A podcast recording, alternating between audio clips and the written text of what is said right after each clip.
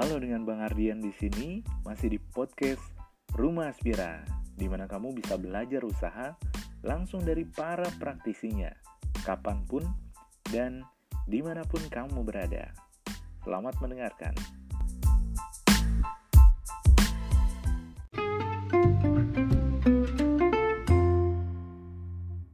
Oke, jadi di episode kedua ini kita mau ngebahas tentang peluang apa aja yang cocok di masa pandemi ini.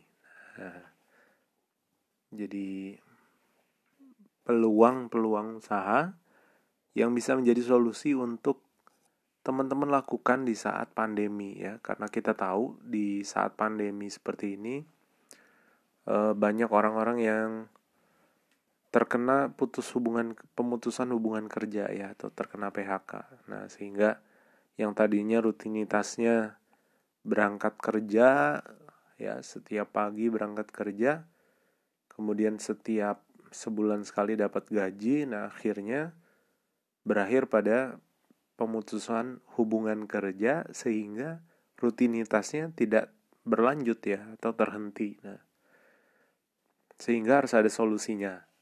Nah, di podcast ini kita akan bahas itu ya. Peluang apa aja sih yang cocok di kala pandemi melanda. Nah, mudah-mudahan bisa bermanfaat buat teman-teman dan buat teman-teman yang denger podcast ini dan merasa bahwa podcast ini mungkin bermanfaat buat saudara kalian apa atau apa kenalan kalian ya atau sahabat kalian, teman kalian, tetangga kalian, atau tetangganya tetangga kalian, atau bapaknya tetangganya tetangganya kalian. Nah, boleh di-share ke teman-teman kalian atau di-share ke bapaknya tetangganya tetangga kalian. Nah, mudah-mudahan bisa membawa manfaat juga buat buat beliau ya, buat mereka. Karena sebaik-baiknya manusia itu adalah orang yang bermanfaat untuk sesama. Nah, mudah-mudahan dengan eh, teman-teman share podcast ini ke yang lain bisa manfaat buat yang lain juga. Nah sehingga teman-teman bisa menjadi orang yang uh, sebaik-baiknya manusia gitu ya. Nah, mudah-mudahan nanti bisa hmm, banyak hal yang saya bahas di sini dan mudah-mudahan bisa menjadi solusi buat teman-teman yang mendengarkan. Nah Um, jadi di kita tahu ya di saat pandemi seperti ini banyak kalau di awal pandemi kemarin ya sebelum berlakunya masa new normal banyak usaha-usaha yang gulung tikar terutama usaha-usaha yang biasanya uh, harus ada kehadiran pelanggan di lokasi usahanya kemudian tiba-tiba terhenti ya. Pemerintah e, melarang adanya kerumunan massa, kemudian masyarakat juga takut untuk keluar, nah, sehingga aktivitas jual beli seperti biasanya terhenti. Nah, maka akhirnya banyak usaha-usaha yang gulung tikar. Nah, toko-toko oleh-oleh karena nggak ada uh, aktivitas wisata dari masyarakat akhirnya tutup ya terpaksa tutup. Kemudian rumah makan rumah makan banyak yang tutup atau bahkan gulung tikar. Nah ini banyak terjadi. Ya dan ini menjadi masalah bersama buat kita semua. Nah walaupun di era new normal ini sudah kembali banyak yang uh, melakukan aktivitasnya hampir seperti sedia kala ya, hampir seperti semula. Yang punya rumah makan kembali buka ya seperti semula walaupun dengan uh, diterapkannya protokol kesehatan semampunya ya. Kenapa saya bilang semampunya karena memang uh, tidak bisa dipaksakan kepada semua orang ada orang-orang tertentu yang memang mereka betul-betul agak sulit untuk di uh, apa ya untuk di edukasi atau untuk di disiplinkan mungkin gitu ya. Nah maka buat teman-teman yang dengerin ngedengerin podcast ini dan sedang mencari peluang usaha apa yang sekiranya cocok di masa pandemi ini nah berikut Bang Ardian akan bahas buat teman-teman. Mudah-mudahan bisa bermanfaat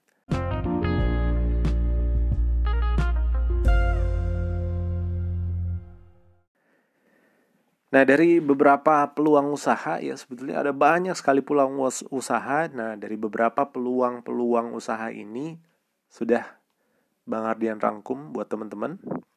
Nah, sedikitnya ada lima peluang usaha. Nah, dan ini insya Allah cocok sekali di masa pandemi seperti ini ya. Nah, apa saja peluang usaha itu? Langsung kita bahas ya. Yang pertama adalah usaha catering rumahan. Nah, usaha catering ya. Jadi usaha catering ini sebetulnya sama aja sih kayak kita usaha usaha di rumahnya rumah makan di pinggir jalan ya sebetulnya. Cuma bedanya uh, dengan usaha catering ini kita sistemnya delivery gitu. Ya, sistemnya delivery. Jadi orang bisa beli by order. Ya. Nanti del delivery order. Jadi mereka pesen kemudian um, pesan lewat WhatsApp ya seperti itu atau mungkin lewat ojek online ya lewat kita sebut merek aja nggak apa-apa ya lewat Gojek, GoFood atau GrabFood atau lewat Tokopedia atau lewat Shopee yang ada atau lewat Bukalapak ya yang ada COD-nya. Ya, ada Gosen dan lain sebagainya. Jadi bisa bisa apa?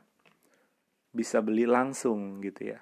Nah, jadi seperti itu usaha catering rumahan. Nah, ini bisa dimulai dengan uh, modal seadanya.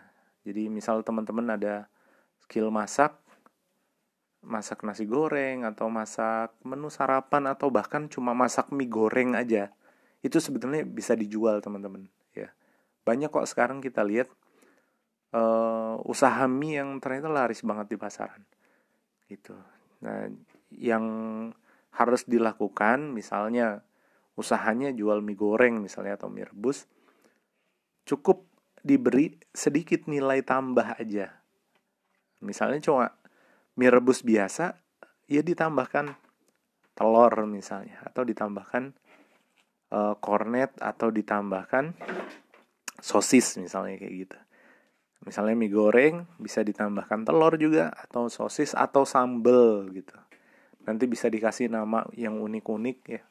Biar ada ketertarikan dari masyarakat terutama dari target market.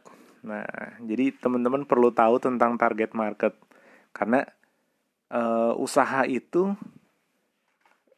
kita mengenalkannya ke pelanggan itu tergantung dari bahasanya tergantung target market kita. Nah, cara kita mengenalkan usaha kita ke pelanggan ini uh, bahasa atau komunikasinya itu harus disesuaikan dengan siapa target marketnya. Nah ini teman-teman harus tahu ya. Insya Allah next time di podcast-podcast berikutnya. Kalau ada kesempatan insya Allah kita bahas tentang apa itu target market, apa itu buyer persona, ya. Biar uh, teman-teman tahu tentang target dari usaha kita. Nah, seperti itu ya. Begitu. Nah, itu untuk ide-ide usaha ya. Jadi atau mungkin usaha bisa masak apa? Misalnya bikin cemilan ya. Bisa ditawarkan. Mulai dari yang paling mudah tawarkan di temen-temen di WhatsApp misalnya. Nah, temen-temen WhatsAppnya ya tawarin temen WhatsAppnya aku produksi makanan ini misalnya. Harganya sekian aja misalnya seperti itu. Nah insya Allah nanti dari hal, dari langkah kecil seperti itu bisa menjadi besar. Nah sambil nanti belajar di podcast rumah aspira. Nah mudah-mudahan bisa banyak manfaatnya nantinya ya. Nah itu yang pertama catering. Nanti kalau misalnya dari uh, catering ini ternyata banyak yang minat banyak yang beli semakin besar. Nah bisa nanti di uh, didaftarkan ke GoFood atau GoSend tadi ya. GoFood atau GrabFood dan lain sebagainya. Nah kemudian yang kedua.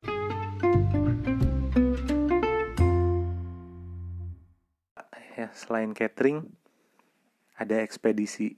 Nah ini di saat pandemi seperti ini usaha yang masih bisa hidup dan masih bisa ke mana-mana aksesnya masih terbuka luas ke mana-mana bisa sampai mana aja ini salah satunya adalah ekspedisi ini ya. Karena dia ngirim barang gitu kan. Kadang ngirim mungkin ngirim makanan.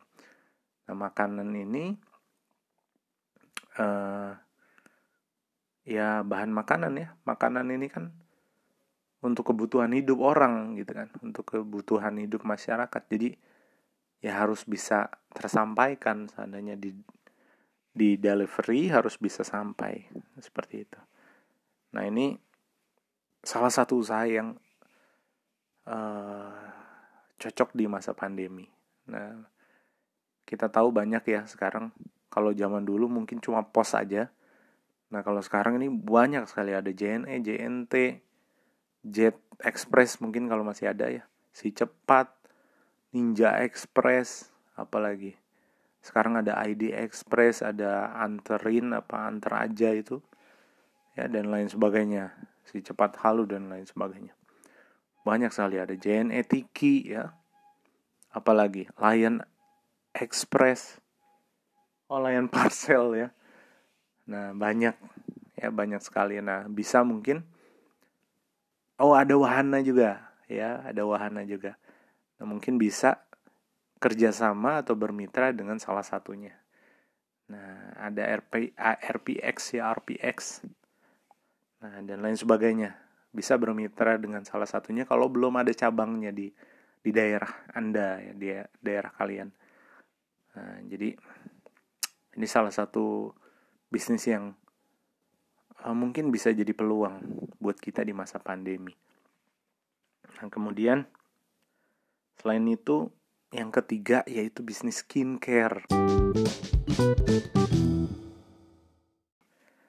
Nah, ternyata di masa pandemi seperti ini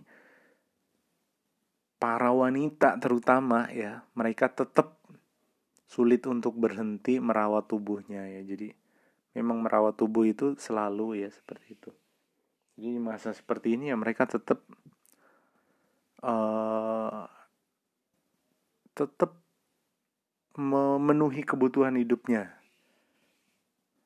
Ya perawatan kecantikan. Nah maka bisnis skincare ini betul-betul masih sangat um, prospek sekali di masa pandemi ya. Bahkan kalau kita perhatikan banyak sekali reseller-reseller aja itu yang penghasilannya sudah ratusan juta rupiah. Nah, seperti itu ya. Jadi uh, yang ketiga yaitu skincare, yang keempat yaitu fashion.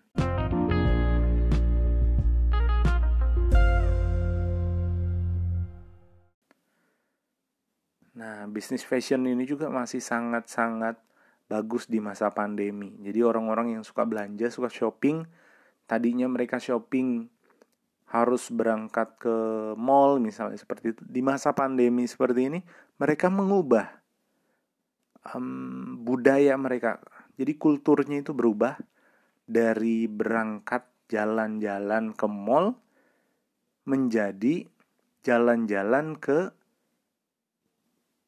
marketplace gitu ya jadi berubah yang tadinya um, keliling mall sekarang jadi keliling marketplace nah ini berubah maka perubahan ini harus bisa kita tangkap dengan cara apa salah satunya adalah dengan memenuhi kebutuhan mereka gitu jadi ketika ada masalah ya maka ini adalah peluang. Jadi setiap masalah itu adalah peluang, ya, peluang usaha.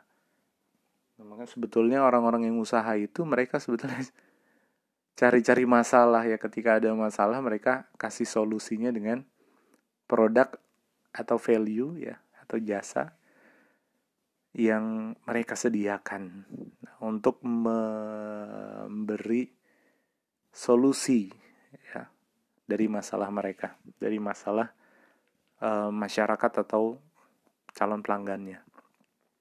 Nah, itu fashion.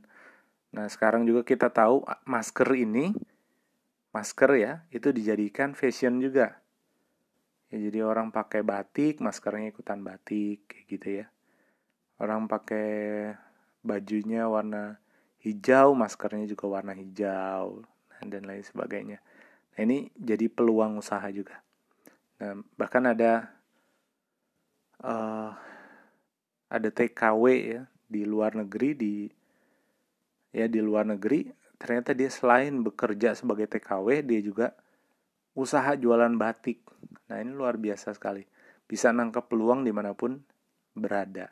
Nah mungkin ini juga bisa di manfaatkan oleh teman-teman gitu. Kalau belum bisa produksi sendiri, jadi reseller aja nggak apa-apa. Karena reseller dari reseller ini juga bisa menjadi peluang buat teman-teman. Nah, kemudian yang kelima yang terakhir peluang usaha yang cocok di masa pandemi seperti ini adalah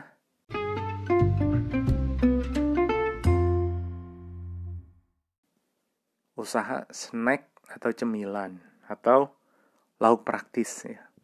Nah, ini uh, usaha yang sangat cocok di masa pandemi seperti ini.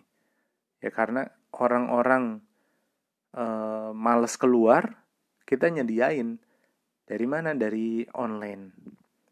Ya, dari online. Entah itu dari marketplace atau dari media sosial. Kita tawarkan kita tawarkan kepada mereka yang membutuhkan gitu kan. Jadi manusia itu walaupun di masa pandemi seperti ini yang ditakutkan itu ada dua. Kalau keluar mereka takut corona, di dalam rumah aja mereka takut kelaparan. Ya, maka sebetulnya kebutuhan makan ini tetap menjadi hal yang pokok, hal yang vital, harus dipenuhi. Nah, jadi walaupun ada pandemi ya orang tetap butuh makan, artinya kan seperti itu. Nah, maka ini menjadi peluang. Begitu ya. Nah, cemilan ini menjadi bisa menjadi peluang. Nah, kalau teman-teman belum bisa produksi cemilan sendiri, bisa cari reseller. Bisa jadi reseller dulu. Nah, nah untuk jadi reseller juga cari uh, supplier-supplier atau mitra-mitra yang dia membimbing dan mengajarkan resellernya. Ya, kalau cemilan salah satu uh, referensinya ya salah satu contohnya ada kerupuking namanya. Nah, itu cemilan kerupuk sebelah kering. Nah, ini kebetulan saya juga suka banget. Ya, insya Allah next time kita undang uh, ownernya untuk sharing-sharing sama kita di podcast Roma Aspira ya. Nah, kemudian juga lauk praktis juga sangat-sangat cocok di masa pandemi seperti ini karena orang-orang meminimalisir kegiatannya di luar dan ini menjadi masalah ketika mereka menyediakan uh, makanan. Nah, sehingga ketersediaan lauk ini menjadi sangat-sangat dibutuhkan oleh uh, masyarakat ya, oleh anggota keluarga terutama ibu ya oleh ibu-ibu maka uh, usaha menyediakan lauk praktis ini menjadi sangat cocok di masa pandemi seperti ini ya jadi lauk praktis itu banyak macamnya ya salah satunya seperti uh, sarden ya ikan sarden. Kemudian ada tongkol krengseng suwir ya seperti tongkol kesusu ya. Mungkin teman-teman ada yang pernah dengar itu punya UMKM juga ya. Tongkol ke susu itu dari Jawa Timur. Nah itu juga ada di Shopee ya bisa di search ya itu cocok sekali di masa pandemi. Nah kemudian ada sambel-sambel ya ada uh, sambal berudi kalau di Surabaya ya. Itu ada sambal bawangnya berudi. Nah ada juga nyambelin. Nah nyambelin ini salah satu produk UMKM juga dengan berbagai macam varian sambal. Ya ada sambal bawang juga seperti burudi cuma harganya lebih murah ya. Karena burudi itu sudah um, lama sekali ya. Jadi harganya relatif lebih mahal. Nah kalau nyambelin ini dia harganya relatif lebih murah namun dengan kualitas juga yang tidak kalah dengan yang lainnya gitu ya. Nah nyambelin ini selain punya produk sambal bawang dia juga ada nyambelin tuna asap ada nyambelin tuna juga. Ini nyambelin tuna asapnya spesial ya rasanya jadi enak banget. Ini buat makan pakai nasi putih aja itu udah luar biasa enak banget ya. Kalau nyambelin bawangnya itu kalau saya pribadi ya saya suka dicampur mie mie goreng ya. Itu rasanya jadi enak banget. Rasanya jadi kayak jajang miun gitu. Kalau dikasih nasi go apa mie goreng dikasih kecap gitu ya. Enak banget. Kemudian ada nyambelin uh, tuna dan ada nyambelin teri dan lain-lain ya. Jadi macam-macam kalau teman-teman mungkin penasaran bisa dicek di marketplace ya di Shopee ada Nah, atau di Facebook juga ada, di Instagram juga ada. Nah, bisa dicek sendiri di Shopee ya, nyambelin seperti itu. Nah, oke, okay. insya Allah sampai di sini dulu teman-teman. Mudah-mudahan bisa bermanfaat. Sharing-sharing Bang Ardian di podcast Rumah Aspira kali ini.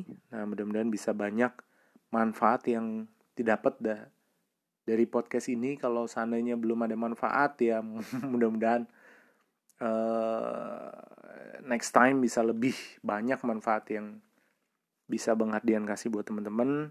Dan kalau sekiranya ternyata podcast ini bermanfaat buat nah silahkan di-share ke teman-teman yang lain juga biar manfaat ini bukan hanya dirasakan oleh kita, tapi juga dirasakan oleh teman-teman yang lain juga.